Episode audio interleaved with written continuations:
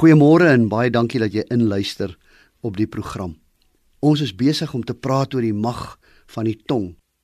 En waarskynlik een van die bekendste tekste oor die mag van die tong staan in Spreuke 18 vers 21. Die tong het mag oor dood en lewe. Die wat lief is om te praat, sal die gevolg dra. Natuurlik was daar al baie misinterpretasies oor hierdie teks oor wat dit presies beteken.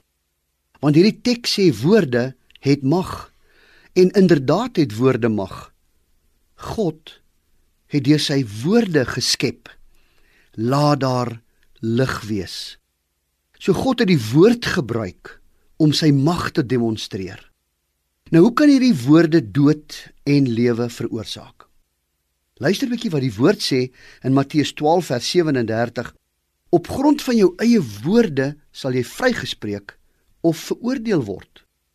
In Paulus skryf dit so mooi in Romeine 10 vers 9 en 10 as hy sê as jy met jou mond bely dat Jesus die Here is en met jou hart glo dat God hom uit die dood opgewek het, sal jy gered word.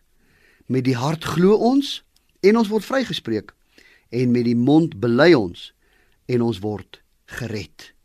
So woorde kan ons geestelik maak of breek. Daarom wees ook versigtig oor wat jy van jou self sê en wat jy van en oor ander sê dat jy nie geestelike skade sal aanrig nie. Here, help my om met my woorde ander op te bou. Amen.